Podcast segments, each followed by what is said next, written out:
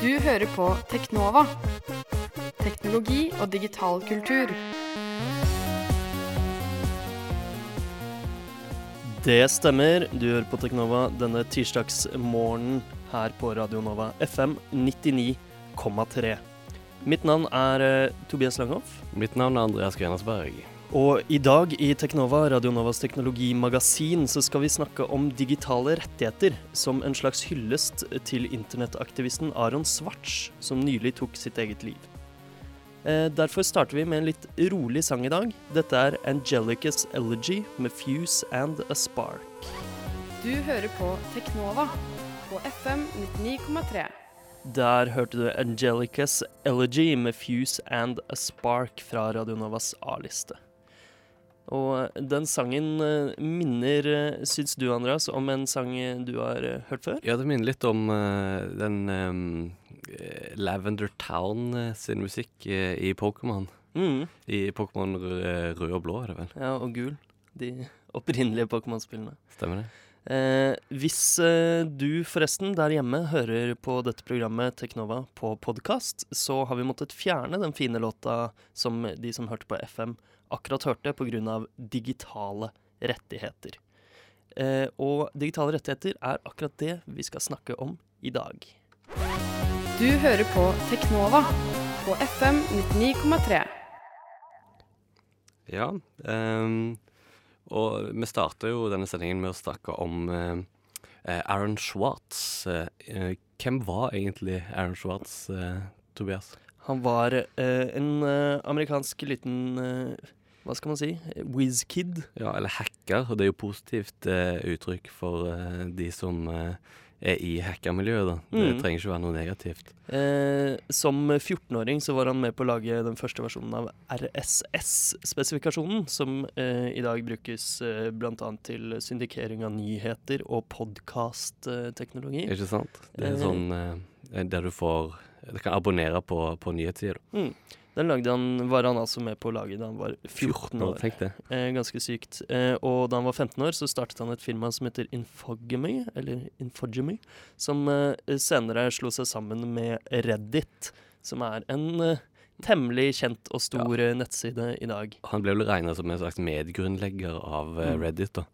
Absolutt. Eh, og han grunnla også seinere Demand Progress, som er en internettaktivistorganisasjon eh, som spesialiserer seg på å kjempe mot sensur på demokratiske måter. Mm. Og de har da bl.a. Uh, hatt store aksjoner mot eh, Sopa og Pipa, eh, som vi skal snakke om eh, litt etterpå. Ehm, eh, ja, og denne hyggelige, hyggelige fyren eh, har altså gjort veldig mye for at internett i dag er så fritt som det er. Mm. Um, men egentlig litt mer om sopa og pipa. Hva var egentlig det? Og hvordan klarte, klarte de å stoppe det? Hvilken rolle hadde Aaron i det? Eh, vel, han var eh, eh, som sagt grunnleggeren av eh, Demand Progress, og han var veldig mye ute i media. Han fikk eh, veldig mye medieoppmerksomhet. Eh, når eh, da disse to lovforslagene kom i USA eh, SOPA står for Stop Online Piracy Act, Mm. eh, og er eh, Eller det var, da, en, eh, et lovforslag som skulle få eh, Eller man kan på en måte si at det satt eh, digitale rettigheter og copyright over eh, første grunnlovstillegg Mm. i, eh, i USA, som handler om ytringsfrihet. Fordi eh, det lovforslaget skulle gi USA lov til å stenge ned nettsider eh, som spredde opphavs, opphavsrettsbeskyttet materiale, Ikke sant? og gjøre sånn at f.eks. Google ikke kunne få disse sidene opp på sine treff. Eh, og dette gjaldt ikke bare i USA. Eh, siden Google og de fleste store internettilbydere eh, er eh, grunnlagt holdt jeg på å si, altså de har base i USA, Ja, så ville mm. dette også gjelde resten av verden. Og det er, jo, det er jo rett og slett sensur. Det var et angrep på det frie nettet. Ja, og- og det er jo en veldig sånn sterk tradisjon på internett, det at eh, internett skal være fritt. Mm. Eh, og dette likte altså ikke Aron Svarts eh, i det hele tatt, naturlig nok. Og han eh, dedikerte rett og slett hele livet sitt til å slåss mot, mot disse lovene. Den andre loven, som er forkortet PIPA, som heter, står for Skal vi se. PIPA står for Protect IP Act, men Protect IP står igjen for Preventing Real Online Threats to Economic Creativity and Theft of Intellectual Property Act. Eh, fulle navnet. Eh, eh, de Ganske sånn eh, like lange lovene. lange, obskure navn. Mm. Og disse to lovene er cirka det samme. De to var igjen basert på en tidligere, lov, eh, tidligere lovforslag som het Kokia. Mm. Og dette er ting som, som Aron sa at uh, Kampen er ikke over, sa Ja. han etter at de hadde slått Sopa og Pipa. Ikke sant, Det ligger et klipp på YouTube så du kan søke på der han holder en sånn ganske lang eh, presentasjon om hvordan de klarte å stoppe eh, pipa. men han understreker at eh, nettopp det at kampen er skjøvet, at eh, de, de som har lagd disse lovene, har lyst kommer til å prøve igjen. Mm. Og ja, det er veldig mange slike angrep på det frie nettet. For eksempel eh, forslag der eh, Google og store, andre store nettste- nettsteder skal kunne betale penger fordi de er veldig rike, og få mer prioritet i nettrafikken Mm. på bekostning av, eh, av små nettsteder. Som ikke akkurat handler om eh, copyright, men det er likevel et slags sånn innhogg i eh, ja, de samme grunnleggende eh, digitale rettighetene som alle på internett i dag tar for gitt. Eh, eh, morsomt at du nevnte den YouTube-videoen, fordi en av de kommentarene på den YouTube-videoen Mm. er at eh, eh, vi ville ikke fått lov til å kommentere på denne YouTube-videoen hvis Ja. ikke det hadde vært for folk som Aron Svarts. Ja. Og det, eh, det tror jeg er sant og veldig viktig. Mm. Og det som er veldig trist, er at eh, det virket Nå skal vi ikke bli for politiske her, men det virket som om eh, USAs eh, eh, ja, sterke stemmer i USA ikke likte det Aron Svarts drev med. Mm. Og da Aron gjorde noe ganske annet Ja, litt dumt, egentlig. Ja, Han gjorde no kanskje noe litt dumt, uh, men uh, som ikke Men, men, på- men han gjorde det jo med, med beste vilje, da. Han ville jo gjøre noe gratislegelig som burde være gratislegelig, mente han, da. Mhm. Det er, en, det er aktivisme, så det er jo eh, på kant med loven, men han gjorde det jo i, i beste mening, og det var Det var at uh, han eh, gikk til MIT, Massachusetts Institute of Technology, Mm. eh, og koblet en laptop på eh, deres lukkede nett. Eh, og på det lukkede nettet til MIT, som da er et stort universitet i USA, som er veldig kjent for, eh, for å oppdra hackere, på en måte, Ja. eh, så lastet han ned flere millioner eh, vitenskapelige forskningsartikler fra eh, et system som heter JSTOR, Ja. eh, som egentlig publiserer artikler mot betaling. Mm. Et konsept eh, Aron fant eh, fullstendig forkastelig. Ja, fordi dette er forskningsresultater, det burde være fritt til- tilgjengelig. Ja, det er det mange som mener, Mm. inkludert Aron. Og han lastet da ned eh, disse artiklene som MIT har tilgang til eh, gratis. Mm. MIT-studenter har Ja, tilgang til dem gratis eh, gjennom en avtale MIT har gjort med JSTOR. Mm. Eh, og han lastet da ned millioner av eh, PDF-er med satt opp et skript med laptop i et skap, ganske intrikate greier. Mm. Eh, Men likevel ganske enkelt. Altså, Ja. Det var ikke noe var ikke noe avansert hacking Nei, det var ikke, det var ikke et innebrudd eh, heller, på, på ingen måte. Ja, Han kunne, I fysisk forstand, da. nei, han kunne gjort, gjort det samme ved å bare åpne en nettleser og høyreklikke på samtlige PDF-er og lagre dem, men han Mm. effektiviserte det, da. Og lastet ned eh, da som sagt millioner av PDF-er og gjorde dem fritt tilgjengelige. Ja. Og eh, det som eh, da skjedde, var at eh, JSTOR valgte faktisk å ikke forfølge eh, saken, Eh, men MIT Ja, for han ble tatt. eh, ja, han, han ble tatt eh, eh, til slutt. MIT eh, stilte Altså, de nektet å uttale seg om saken. mm. Og de har tidligere vært veldig beskyttende.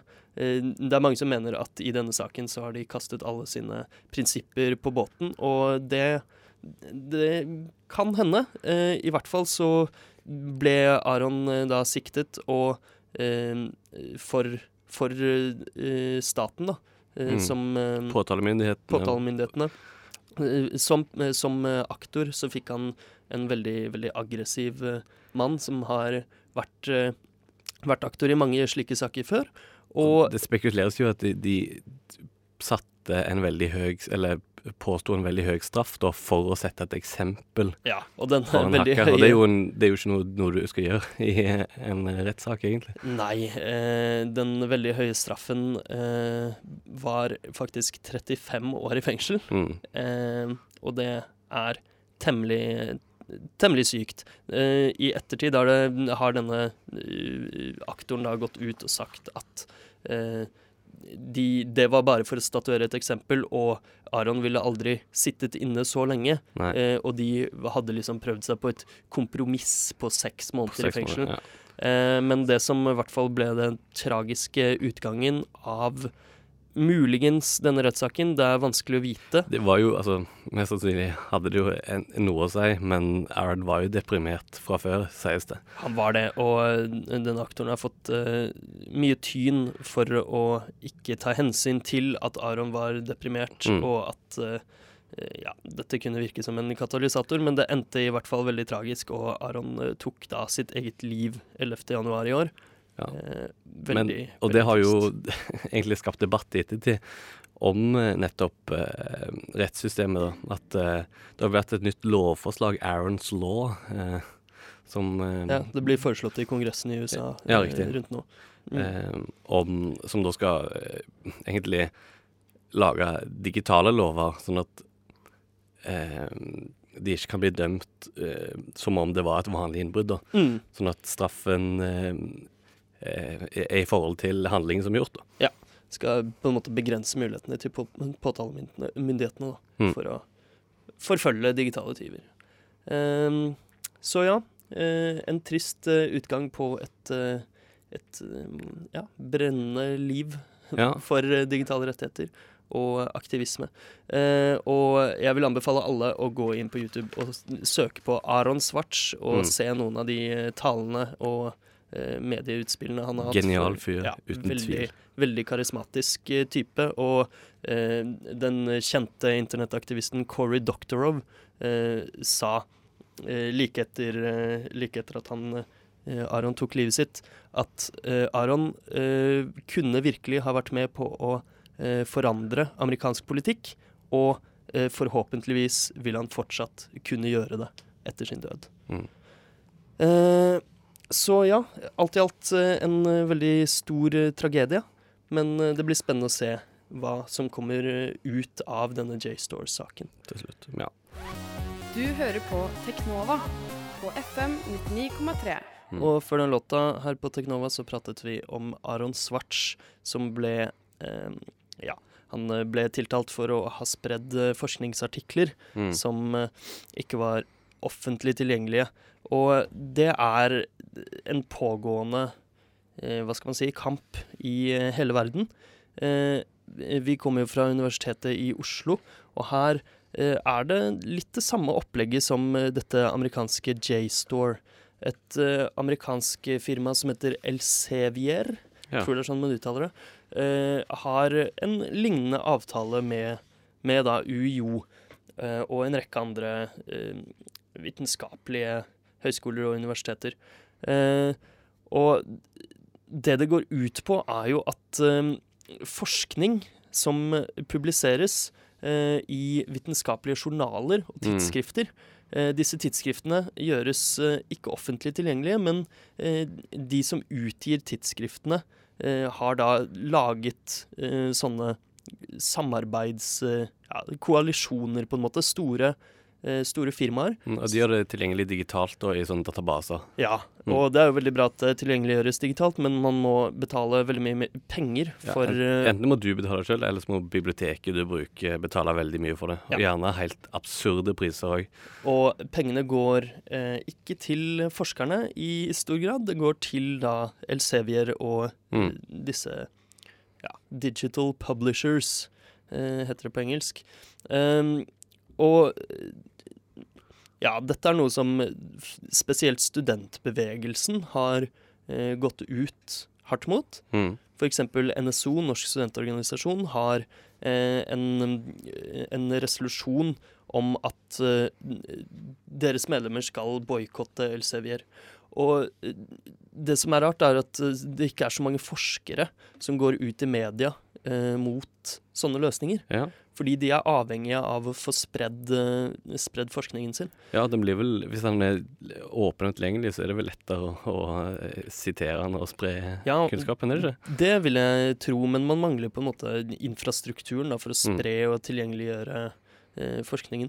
Eh, men Fins det ikke alternativ? O- jo, Open Open, access, Access, ja. det er på en måte den nye store.